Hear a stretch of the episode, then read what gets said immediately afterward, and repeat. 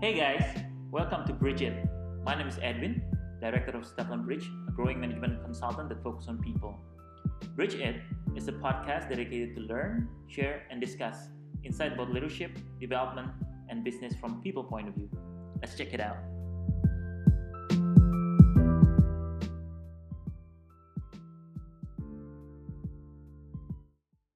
In this episode, we're going to talk about talent development that attract millennials.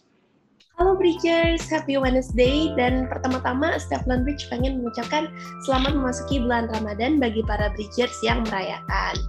Wah, nggak kerasa banget nih ya.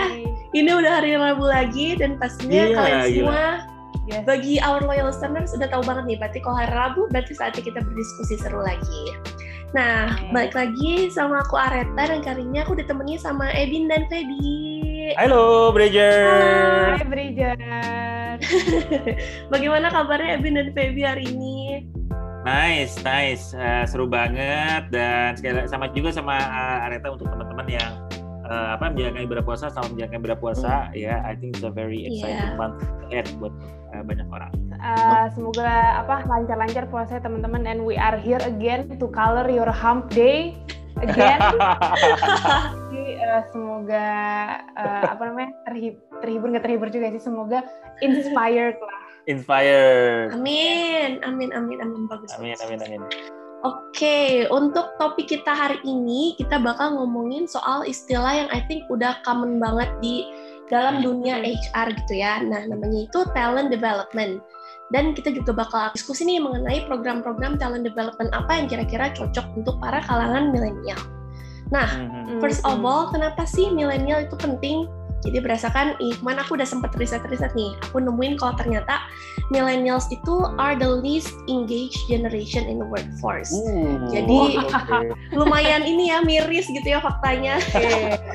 Jadi aku menemukan kalau ternyata 55% dari mereka itu kalau misalnya lagi kerja itu kurang engaged dan hanya 20 29% yang engaged. Nah, gitu. Nah, terus kenapa sih ini tuh penting? Karena uh, menurut artikel lain yang aku udah baca kemarin, karena it was predicted that uh, millennial itu bakal represent 75% of the global workforce di tahun 2025. Nah, Betul, ini betul. proporsinya gede banget ya. Nah, Mhm. makanya dari itu aku pengen nanya nih ke Edwin sama Feby. Mungkin pertama-tama uh, mengenai talent development itu sebenarnya apa sih? Apakah itu berbeda sama mungkin istilah lain yang udah sering kita dengar juga um, talent management gitu. Mungkin Hmm. definisinya talent development sendiri itu apa gitu. ceritanya Apa gimana nih? lah ya gitu ya. Oke oke. Mm-mm. Aku deh aku aku lebih eh, mungkin aku kasih pandangan nanti mungkin Feby juga bisa bisa share ya. Boleh. Jadi sebenarnya kalau talent development itu lebih lebih fokusnya dia sama development ya definitely ya namanya talent development Nah, gitu. Tapi uh, orang banyak yang mikir bahwa ini lebih ke training atau apa. Padahal sebenarnya nggak hanya itu. Jadi talent development itu uh, range juga nih dari uh, sebenarnya kayak designing learning sama path mereka untuk development tuh apa. Bisa jadi job rotation, itu bisa juga dari dari, dari developmentnya seperti kayak gimana. Bisa training, bisa juga coaching, bisa juga gitu. ya. Jadi ini beberapa area yang perlu diperhatikan nih uh, dari sisi uh, talent development. Nah, kalau talent management dia biasanya agak lebih luas ya. Uh, maksudnya lebih luas tuh karena uh, itu menginclude juga kayak komitmen company untuk misalnya kayak ngerekrut, ngerekrut juga termasuk nih terus gitu apa Mm. bagaimana kita nih dari sisi compensation benefitnya tuh seperti kayak gimana, karir itu seperti kayak gimana gitu-gitu sih. Terus kayak gitu juga dari luar ada posisi-posisi kritikal mungkin yang harus kita isi talentnya dari mana. Nah itu itu hal-hal tersebut itu lebih ke talent management. Jadi kalau talent development lebih lebih ke apa ya ya pengembangan pengembangan ketika mereka udah di dalam bagaimana nih mengembangkan si talentnya Nah, gitu itu sih kalau misalnya dari dari gue ya eh, Hmm. apa pandangannya talent development mungkin Feby Hmm. ada ada tambahan juga mungkin Feb atau atau ada view juga.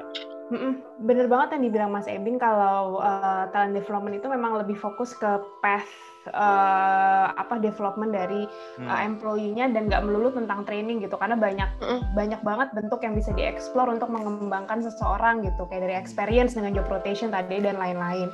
Uh, yang mau aku tambahin adalah uh, biasanya memang talent development itu bisa menjadi bagian atau ada di bawah payungnya talent management gitu kan.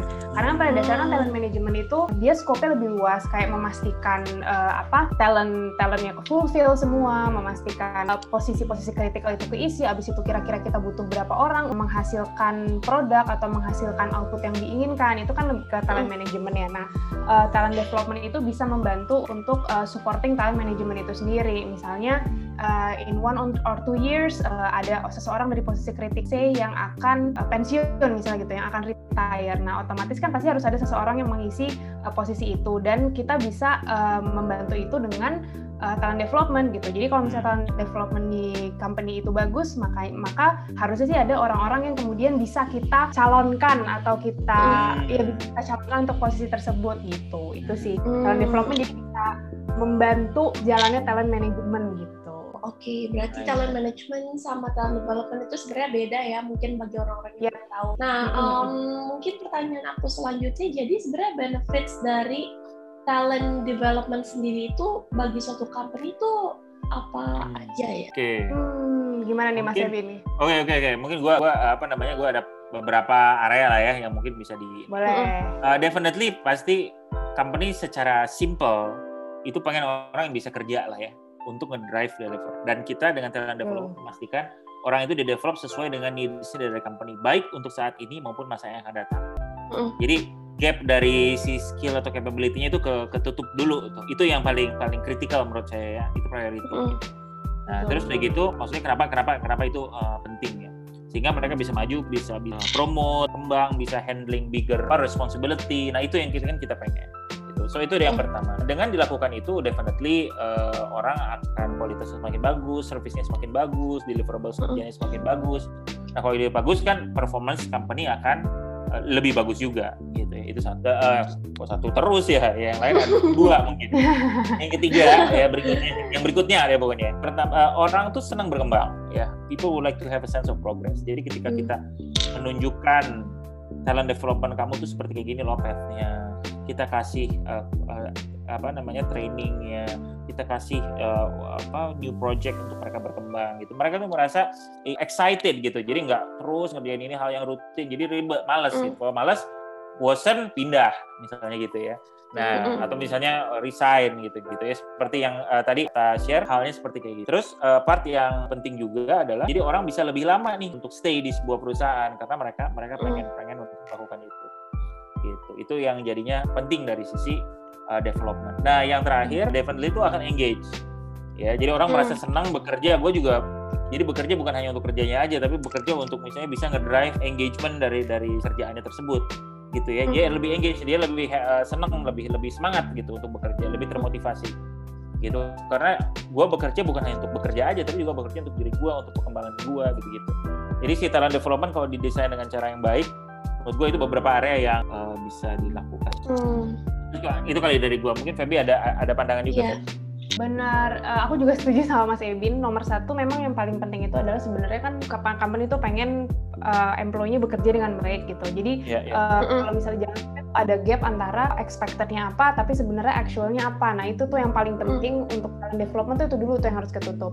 Nah memang kemudian yang yang bisa mendukung atau kemudian membantu perusahaan secara lebih sustainable adalah engagement itu ya Mas Ebin ya. Jadi mm, um, ketika ketika employee itu engage dan mereka stay in the company, uh, company tersebut itu uh, lebih terjaga gitu dan lebih baik. Apalagi mengetahui kalau misalnya talentnya itu adalah seseorang yang udah lama nih di company tersebut mereka udah tahu bisnisnya kayak apa terus uh, udah tahu operationnya seperti apa gitu. Dan hopefully kalau misalnya mereka uh, makin menanjak karirnya itu juga memang expectednya um, ini expectednya adalah mereka bisa membawa company ini ke arah yang lebih baik lah gitu intinya gitu meskipun meskipun memang ini tidak apply to all cases ya, cuma uh, ini adalah a good case practice-nya lah kira-kira kayak gitu. Gitu sih kalau dari aku. Hmm, oke oke oke.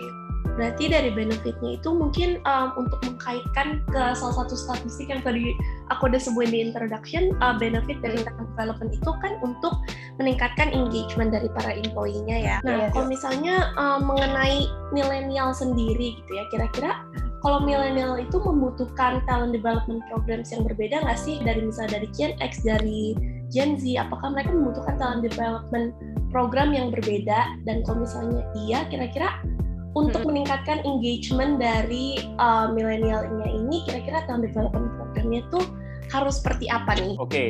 uh, Feby mm mungkin ada pandangan dulu nggak, Feb? Atau gue dulu? Uh, boleh, boleh, boleh, boleh nih. Uh, ada satu yang beberapa kali sempat aku baca sih uh, dari mm beberapa artikel. Jadi it it always came up gitu loh. Setiap kali, uh, setiap kali aku mencari tentang learning and development yang berhubungan dengan uh, millennials gitu. Nah, mm salah satu yang uh, uh, yang di-appreciate banget oleh millennials, ada yang dicari oleh millennials adalah experience, actual experience. Hmm. Nah, jadi ini bisa jadi salah satu uh, development program yang mungkin bakal dicari banget nih gitu. Jadi experience itu dalam arti bisa aja shape uh, bentuknya kayak yang tadi Mas Ebin bilang itu um, job rotation. Jadi uh, mereka diputar nih di posisi yang mungkin mereka interest tahu I would like to learn something about that uh, about that hmm. gitu satu. Terus yang kedua selain job rotation bisa juga uh, mereka di-involve di dalam project kayak gitu. Um, terus habis gitu ada sih yang menarik itu adalah uh, mungkin ini agak lebih advance ya karena menggunakan teknologi. Jadi tipenya itu dia kayak gamification. Jadi kalau nggak salah Mas Evin kita pernah ini deh, kita pernah bikin eh pernah latihan simulasi apa ji eh kok jira sih apa oh, eja oh iya iya tahu tahu tahu tahu nah, itu tahu, tahu, tahu, itu itu salah satu ya eja ya ya nah itu salah satu teknik juga tuh yang bisa kita pakai jadi mm. di situ tuh kalau teman untuk apa namanya overview aja buat teman-teman jadi waktu itu kita belajar gimana sih how is uh, agile way, way of working ya Mas Ebin ya. Terus di situ kayak kita ada disuruh bikin produknya, kemudian disuruh bikin sprintnya, kemudian disuruh wow. bikin, ah nih sprintnya baru kelar berapa persen nih, uh, action apa nih harus kita lakukan? Actionnya tuh udah macam-macam. Oh, ada yang misal, okay. misalnya ajak tim member uh, recreation kayak gitu, ada hmm. sebisa nanti tim membernya uh, disuruh ngapain gitu. Jadi banyak actionnya. Nah terus nanti ada outputnya tuh wah apa completionnya naik nih atau misalnya hmm. satisfaction employee-nya malah turun nih kalau kita actionnya kayak gini gitu. Salah satu yeah, yeah, tipe yeah. gamification ya atau misalnya mm -hmm. uh, teknologi apa sih kayak teknologi uh, yang bisa membuat kita merasa kayak in an actual environment working hmm. on certain things gitu. Hmm. Itu kalau dari yang segi experience tuh salah satu bentuk pembelajaran yang kayaknya sangat pretty appreciated and pretty demanded lah sama millennials hmm. ini gitu. Kalau menurut Mas Emin yeah. gimana Mas? Iya nih. Uh, mungkin betul juga. Maksudnya gue sih lebih cenderung mungkin caranya ya everything pasti evolve ya dengan ada game lah dengan hmm. apa. Mungkin menurut gue sih adalah part yang perlu diingat dalam talent development yang semakin ke generasi semakin bawah adalah variety-nya mungkin ya hmm, variety yeah, dari yeah. how we can developnya gitu ya mungkin apakah mm. apakah harus pakai teknologi ya mungkin juga atau malah justru kebanyakan teknologi pengennya lebih banyak yang interaction uh, yes. itu ya bisa mm. juga gitu ya jadi kita tentunya akan selalu uh, align sama sama kita customize sama bisnisnya bentuknya seperti gitu kan jadi mm. jadi pakai teknologi mungkin bisa juga gitu ya developmentnya karena pengen lebih cepat gitu cuman eh, bukan cuman dan beberapa parameter yang mungkin berbeda tuh mungkin waktu kali ya. Jadi mm -hmm. perlu lebih jangan yang lama-lama gitu boring ya itu satu. Oh, Kedua yeah, lebih yeah. lebih mm. lebih engaging, lebih engaging uh -huh. dan membuat mereka juga actively involved di dalam development tersebut. Mm. Jadi nggak spoon fed dan oh ini cuma nggak kayak training aja terus dikasih ini apa namanya menurut kamu ah, ini ini ini jadi kayak kuliah gitu mungkin enggak mm -hmm. gitu ya dari isi developmentnya jadi ada ada banyak hal yang membuat mereka juga actively involved di dalam di dalam di dalam. Ada developmentnya mereka sendiri. Malah uh, yang sekarang kan banyak nih kalau Indonesia ada kampus merdeka mungkin development juga development merdeka kali ya. Karena you choose your own development gitu. What do you want to learn? How you want to grow? Where you, hmm. where you wanna be gitu. Itu sih kalau pandangannya dari gue. Uh, tapi memang kalau kalau aku lihat tren sekarang tuh banyak yang personally driven gitu ya mas Ebi. Ya yeah, benar kayak every, everybody banyak yang bilang kita tuh less engage karena uh, mungkin kita lebih apa ya kalau kata-kata sosmed zaman sekarang tuh woke people yang woke gitu jadi jadi yeah. kayak lebih aware dengan hmm. pasti Areta aware dengan woke people gitu jadi yeah, uh, orang yang uh, awarenessnya bisa dibilang pokoknya dia pretty aware dengan uh, developmentnya hmm. dia kemudian dengan what the society needs gitu jadi uh, mereka nih uh, banyak kemudian uh, driven by that gitu. So maybe when they join a company or an organization itu menjadi salah satu jatuhnya kayak means aja untuk uh, achieve goals mereka gitu. Makanya mungkin kelihatannya nggak engage karena mereka karena mungkin banyak yang merasa oh ini kan hanya sebagai uh, bukan batu loncatan ya, tapi sebagai um, media gue nih untuk kemudian gue achieve uh, sesuatu lain di depannya emang uh, goals gue kayak gitu. Hmm, oke oke oke oke. Hey, I think mm, untuk merecap nih ya podcast kita hari ini, mungkin um, yang pertama itu kenapa talent development programs apa sih yang cocok untuk milenial? Nah, berdasarkan yang tadi Feby sama Edwin udah bilang, yang pertama mungkin ada job rotation ya, karena hmm. karena millennials mau cari experience banyak-banyaknya jadi uh, dari pandangan HR sendiri ini very important uh, untuk diadakan job rotation supaya mereka itu bisa mengexperience berbagai macam roles yang ada di company so, untuk menemukan yeah. interest mereka itu. Nah, yang kedua mungkin mereka bisa di-involve di berbagai macam projects. Habis itu ada gamification juga. Terus mungkin talent development program sendiri ini juga variety-nya bisa diperbanyak dan program-programnya juga mungkin bisa dibuat lebih short term untuk uh, memaintain yeah. engagement mereka gitu ya. Yes, sure. Nice. Alright, berarti kita sudah sampai ke penghujung podcast kita hari ini. Um, okay. Jadi bagi semuanya, bagi Bridgers, thank you so much for listening to our podcast. Jadi kalau kalian misalnya mau yeah, ya tertarik yeah. banget nih mengenai dunia HR ya, kalian bisa banget uh, cek Instagram kita di at Bridge sama juga visit LinkedIn kita Stephen Bridge juga karena tiap hari Senin dan Jumat kita bakal ngepost mengenai dunia HR yang of course sangat menarik gitu. Nice. Jadi I wanna say thank you juga ke Evin sama Feby yang sudah bersedia discuss hari ini. Thank you yes. so much. Yes, sama-sama. Makasih juga. See you, Bridgers. See you next, next week. Bye-bye. Bye-bye. Bye-bye. Don't forget to listen to our podcast every Wednesday on Spotify, Apple Podcast, and Google Podcast. Visit our website at stevlinbridge.com. Follow us on Instagram at stevlinbridge. And for any inquiries, please email to contact at stevlinbridge.com.